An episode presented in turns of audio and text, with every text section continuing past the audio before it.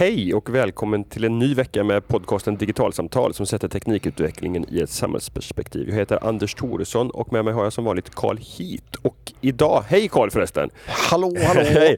Idag ska vi prata om självkörande fordon och vad de får för konsekvenser med utgångspunkt i en ganska spetsig förutsägelse som du har läst i ett amerikanskt branschmagasin, eller hur?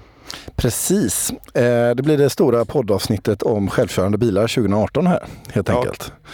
Eh, jo, det var så att jag fastnade för en artikel i tidningen Automotive News som ju man såklart eh, läser. Och eh, i den här, eh, i den här eh, eh, tidskriften i november så eh, är det då en man som heter Bob Lutz som är lite av en liksom han är en, eh, en, en, eh, en liksom namnkunnig person i fordonsbranschen får man säga. Han är tidigare vice, vice ordförande och Head of Product Development på General Motors. Eh, och så har han haft liksom, exekutivpositioner genom åren på Ford, Chrysler, BMW, Opel och sådär. Så han är liksom en tung person inom fordonsbranschen. Och han skrev en eh, liksom visionstext i ett brev till Automotive News. Där han inleder den här texten med att skriva It saddens me to say but we are approaching the end of the automotive era. Så liksom en av de här liksom ikonpersonerna inom den här branschen säger själv att liksom, nu, nu har vi eh, eh haft 120 år av bil och bilism. Men eh, den här epoken den är på väg att ta slut. Och, så först hade vi hästar, nu hade vi liksom bilen i 120 år och nu så hamnar vi eh, i en ny position för att vi eh, närmar oss slutet för bilen och där all typ av liksom transport kommer ske i standardiserade moduler. Eh, så han pratar liksom inte ens om begreppet bil längre alls, utan han, han menar på att det vi kommer liksom åka omkring i det är standardiserade moduler. Då, då skriver han att liksom end state, liksom slutpunkten här kommer vara då helt självkörande moduler där man inte har någon som helst möjlighet att påverka eller liksom, eh, utan den kör helt själv. Man beställer den, den kommer dit man vill, man går in i den och man åker iväg någonstans. Eh, och, och den här liksom slutvisionen någonstans eh, menar han på att liksom den kommer vara liksom moduler som ägs och, eller drivs av aktörer som Uber eller Lyft eller andra liksom nätbaserade tjänsteleverantörer. Vilket gör att liksom transportbranschen blir någonting helt annat i framtiden. Vi kommer inte liksom prata om BMW och Volvo och så, utan det kommer dyka upp andra eh, troligtvis aktörer som kommer så att säga ha Eh, den digitala infrastrukturen på vilket de här modulerna finns. Då. Och så skriver han också då att det kommer finnas en minoritet av individer som kommer välja att ha liksom personaliserade moduler eh, hemma så de kan liksom göra olika saker. Eh, men i grunden så handlar det här om bekvämlighet och när det här systemet är tillräckligt utvecklat så, så, så kommer vi obönhörligen handla i det. Och han skriver ju då att Eh, Eh, de här fordonen kommer inte vara liksom, körda av människor för inom liksom 15 till 20 år som senast så, kommer, så är hans eh, framtidsspaning att man kommer att lagstifta om att ta bort alla mänskligt körda fordon på vägarna. Och det han skriver då det är att tipping pointen liksom, när den här förändringen sker det är när ungefär 20 till 30 procent av fordonen i flottan är helt självkörande. Då kommer man se liksom, krockstatistik och annat och man kommer konstatera att människor är de som står för 99,9 procent av alla olyckor och då kommer lagstiftningen pivotera och ändras. Och så skriver han att det kommer vara en transitionsperiod liksom. Eh, men eh, inom eh, eh man kommer liksom, ja, det här kommer påverka liksom ekonomin i hela, hela fordonsbranschen. Eh, och man kommer hamna i såna här big fleet eh, eh, system då eh, med Uber och Lyft och vad det kan vara för någonting. Och sen går han vidare då till att liksom konstatera att det här kommer påverka alla möjliga saker. Liksom, eh, dealers till bilar kommer ju naturligtvis inte liksom eh, eh finnas. Han, han, skriver så här. Unfortunately I think it is the end. Uh, this is the demise of the retailing as we know it.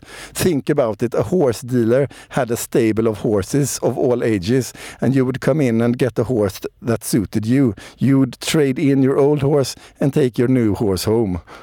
Ja, det, är liksom, det var så det var och så kommer det antagligen då förändras idag med. Så han är ju liksom eh, någonstans domedagsprofeten för sin egen bransch. Och, eh, vi har hört den här typen av liksom profetier från många olika håll men det här var liksom första gången man inifrån branschen själv och med en så stor tyngd och emfas konstaterar att liksom, ja, det kommer se radikalt annorlunda ut och vi kommer se det här det närmsta decenniet så att säga spelas ut framför våra ögon. Vad tänker du Anders när du hör mig eh, återge Bob Lutz eh, framtidsprofetia om autonoma fordon?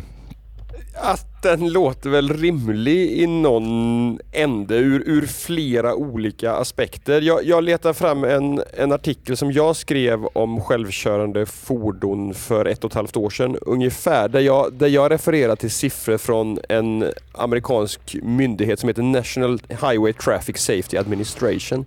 Som, som konstaterar att det under 2015 omkom 35 092 personer på vägarna i USA och att 94 procent utav de här olycksfallen kunde eh, förklaras utav mänskliga fel och misstag.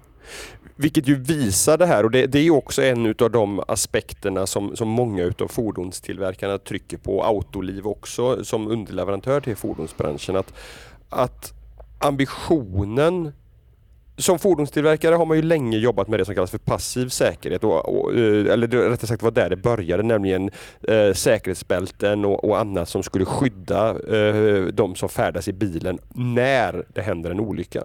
Och den tekniken har man nu kommit väldigt långt med. Eh, och nästa steg i det som då kallas för aktiv säkerhet, det är också något som man har jobbat med, med länge. Men, men, målsättningen är ju, och det man tror och tänker och det finns väl tecken som tyder på att det faktiskt kommer bli så, är ju att en, en dator kommer vara en väldigt mycket bättre förare än vad en människa någonsin kan vara. Därför att den kommer inte bli trött. Den kommer ha en möjlighet att ta in omvärldsintryck, motsvarande sinnesintryck i en helt annan takt och omfattning än vad en människa har möjlighet att, att göra med, med sensorer och radar.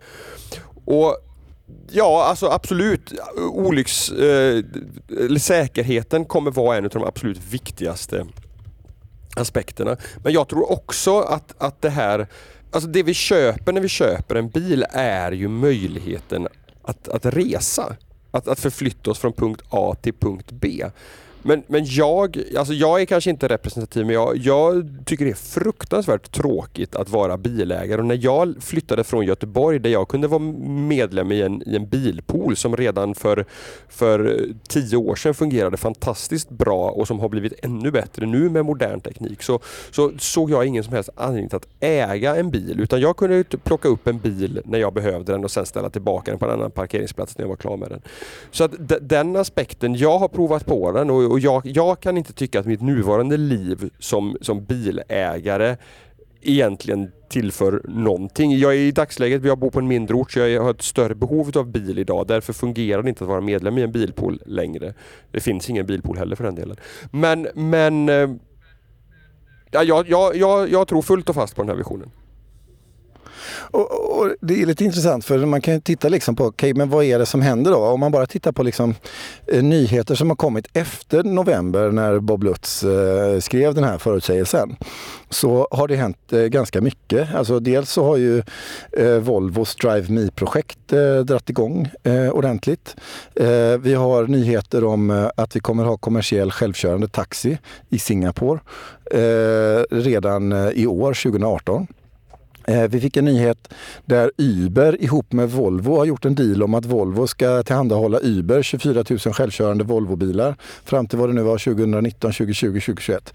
Någonstans där i krokarna. Och, och den affären i sig själv är ju liksom, dockar ju direkt in i Bob Lutz eh, beskrivning att den som kommer så att säga tillhandahålla tjänsten det är de här tjänsteleverantörerna Uber och Lyft och vad de kan heta för någonting. Medans eh, fordonsleverantörerna kommer så att säga vara en underleverantör till ett annat typ av ekosystem än vad de är idag. Inte liksom samma slutkonsumentrelation. Och, och sen har vi eh, fått nyheter här i Sverige med eh, Eh, bolaget Einride som har lastbilar utan hytt eh, som kommer köra, tror jag, om det var för Lidl vill jag minnas, eh, till och från deras eh, eh, lager i Halmstad och börja 2019 med helt självkörande lastbilskonvojer. Eh, och sen på CES-mässan i år, det är alltså Consumer eh, Electronics Show i Las Vegas eh, som går av stapeln i början på januari varje år.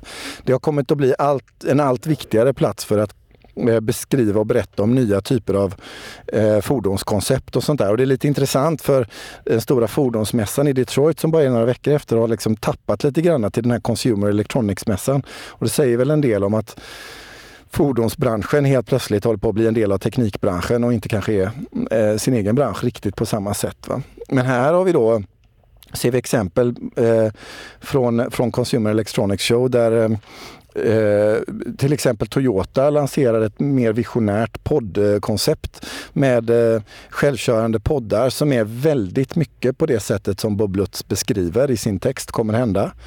Och eh, GM, som ju Bob eh, själv eh, kommer ifrån, eh, gick ut med eh, eh ett, en nyhet att de 2019 kommer att sälja den första bilen utan ratt och pedaler till eh, Eh, för konsumentnytta.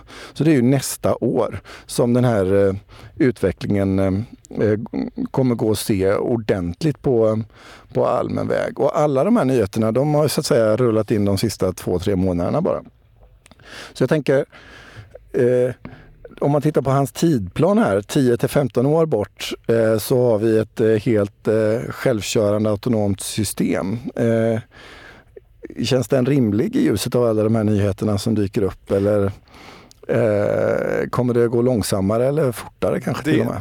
Det tror jag, det, det vågar jag nog inte riktigt gissa om skulle jag... Nej, det vågar jag inte göra. Men, men, men jag, jag tror att, att, att, att det ja, 10-15 år. Jag, jag, tänker att det kommer, det kommer ju fortfarande rulla många nyköpta bilar på vägarna så att det blir den här mixen då utav, utav, utav gammalt och, och nytt. Men, men där har jag ju också sett och, och hört intervjuer som jag gjort också att man, man ser liksom inte ett problem med det. Alltså, att när, i, i, takt med att antalet autonoma fordon ökar så, så, kommer också säkerheten öka för alla därför att de här bilarna kommer förbättra eh, trafikflöden, det kommer undvika olyckor och så vidare. Men, men det kommer ju också bli så att när, när fler bilar eh, blir så här så kommer ju fler se de här fördelarna och, och bli intresserade av att byta till den här typen av transportmöjlighet istället, skulle jag tro.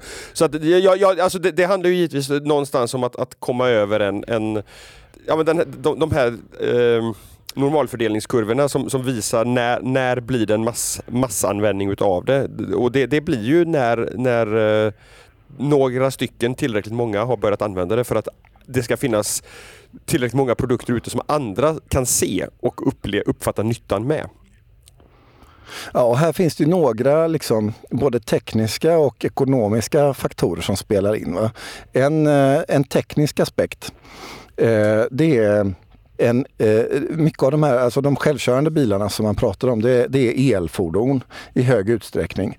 Och en el, ett elfordon jämfört med eh, diesel och bensinbilar till exempel har oerhört många färre delar i sig. Eh, det är liksom en fråga om liksom 100 kontra 1000 delar. Eller något, alltså en, en, väldigt stor skillnad i komplexiteten i de här fordonens fysiska eh, design. Och eh, vad det får för konsekvenser det är ju att de här plattformarna de kommer ju kunna hålla längre och köra eh, fler mil och kunna uppdateras eh, på distans över, över, över nätverk när det kommer, eh, liksom finns behov av det. Och vi ser ju exempel på det i eh, Teslan eh, och hur den så att säga, uppdateras och förändras i sin mjukvara löpande och också på hållbarhetstiden. Va? Så när vi hamnar i en situation där elfordonens så att säga, livslängd eh, blir bättre än andra fordon eh, och när vi också ser lagstiftning träda i kraft som till exempel i Tyskland och i Indien och, och nu också på gång i Kina där man kommer förbjuda allt annat än elfordon från och med 2030. Då kommer ju så att säga andrahandsvärdet på en diesel eller bensinare bli ganska ruttet ju närmare de här gränslanden man kommer. Eh, så det kommer ju ske en så att säga, förstärkt förändring av liksom fordonsflottan som en konsekvens av lagstiftning och reglering. du, du menar där lagstiftning tving, tvingar fram, äh, bygger incitament för ett tidigare fordonsbyte än vad man egentligen hade kanske planerat för? Ja, absolut. Eller där du redan idag då ser så här, vad ska jag köpa för bil? Ja, då köper jag en bil eh, idag som har en eh, eh, som, som är en elbil med kanske högre grad av autonomi och som över tid skulle kunna enkelt uppgraderas till att kunna vara helautonom till exempel. Och, och ehm, så det, det, finns den typen av effekter. Men sen uppstår en annan effekt och det är ju att eh, självkörande fordon behöver ju inte stå stilla och parkera när man inte använder det om det här är en tjänst på det sättet som Bob Lutz eh, förutsäger. Eh, en bil som vi själva äger den använder man kanske bara 4, 5, 6, 7 procent av bilens livslängd. I övrig tid så står den här bilen still.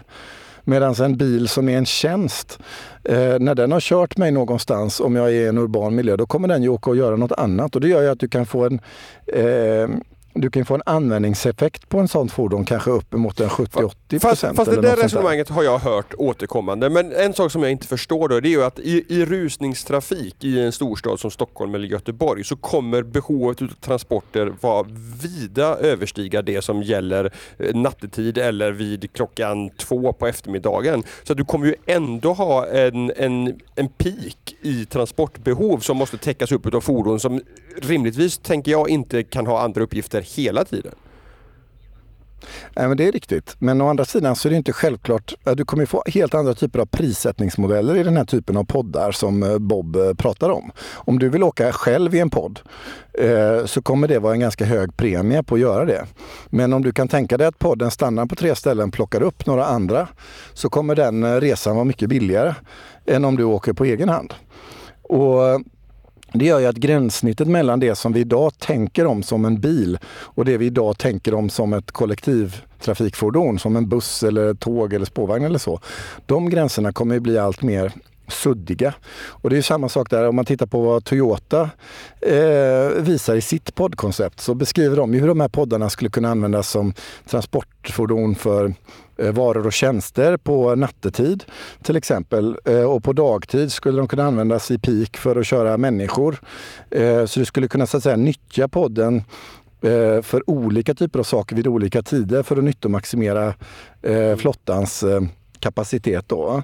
Du skulle kunna tänka dig att du har eh, poddar som du går och lägger i eh, och sen åker du och så vaknar du någonstans. Eh, Toyota beskriver så att säga, mobila hotellkoncept och beskriver mobila kontorskoncept i sin vision av de här poddarna. Så, så så, eh, och sen kan det också uppstå andra såna incentivsmodeller. Att vill du åka i peak själv, ja då är det ju liksom en premie på det. Både för att du vill åka ensam och för att du vill åka vid peaktid. Men om du väljer att åka med två andra personer om eh, eh liksom en halvtimme senare så kostar det mycket mindre. Ja, då kanske du väljer att göra det. Så eh, jag tror att man kommer kunna se en, alltså det vi idag försöker lösa med liksom vägtullar och sånt där, det kommer man kunna se på individnivå i prissättningsmodeller istället. Mm. Så kollektivtrafik, alltså om man jämför liksom så här, vad är, vad är en bil och vad är, vad är kollektivtrafik så hamnar man ju i en intressant diskussion. För det är frågan som, så att säga, vem är det som tar lid i det här i den här mm. utvecklingen. Va? Det skulle ju kunna vara så i, ett, i en stad som har en mycket väl utvecklad kollektivtrafiklösning med särskilda bussfiler och sånt där. Så skulle man ju ganska enkelt kunna föreställa sig att i det här skedet det finns sådana här självkörande poddar.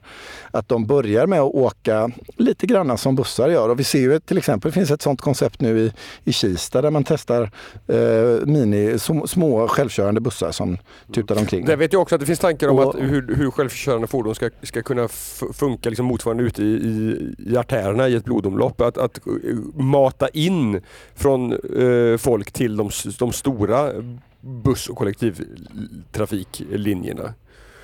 Eh. Ja, och det finns ju samtidigt så blir också så att säga kostnaden för en mindre enhet blir ju lägre när det inte finns en förare för den.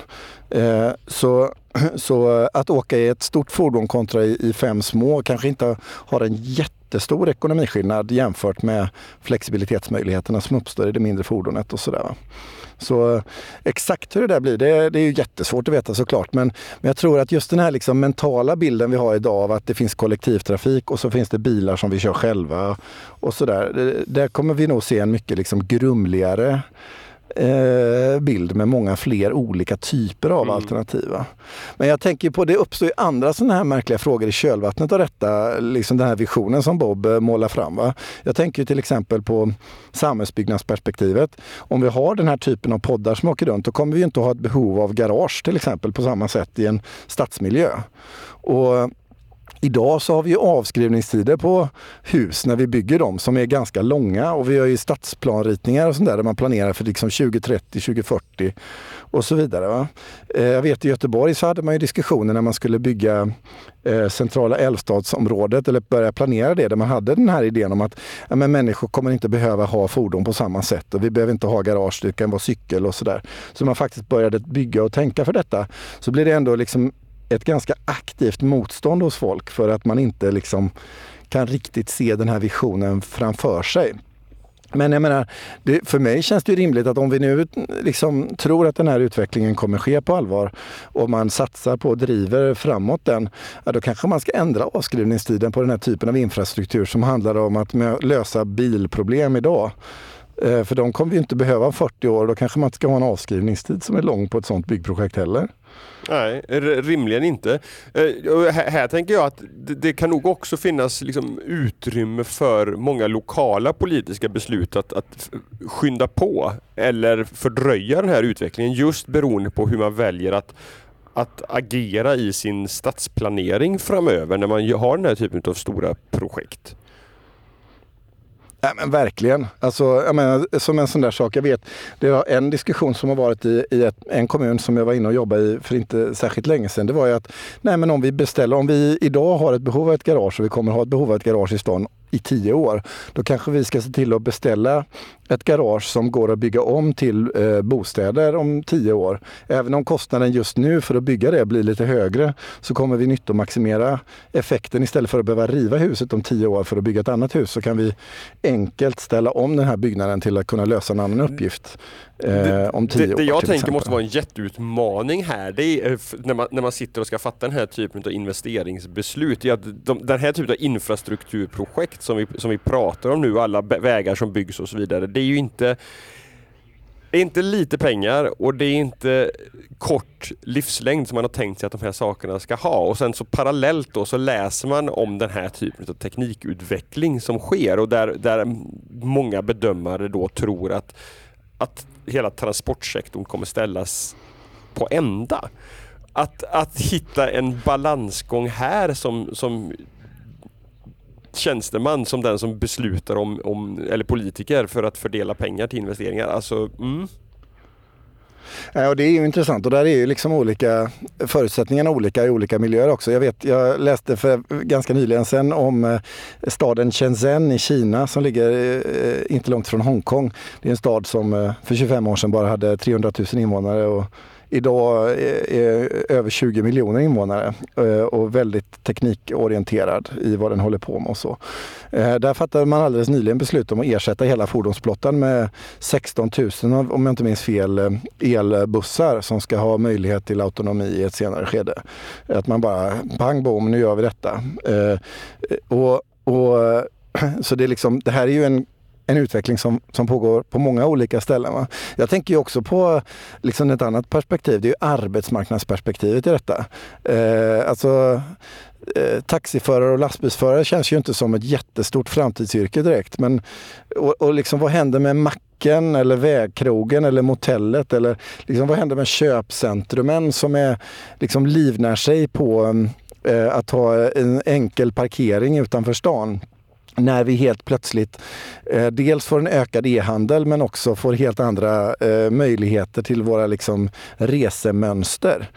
Eh, här kan man ju se liksom sådana saker som Ikea som gör så här citykonceptbutiker nu för att liksom pivotera ifrån att finna utanför stan och sådär. Eh, som säkerligen liksom har de här frågorna med sig i sin analys kan jag tänka mig. Men, men just hur, liksom, hur arbetsmarknaden påverkas och hur våra beteenden påverkas eh, vart vi stannar när vi åker på en väg. Eh, alla den typen av saker är oerhört svåra att överblicka idag. Men jag, jag tänker så här. Finns det inte också en, en, en risk?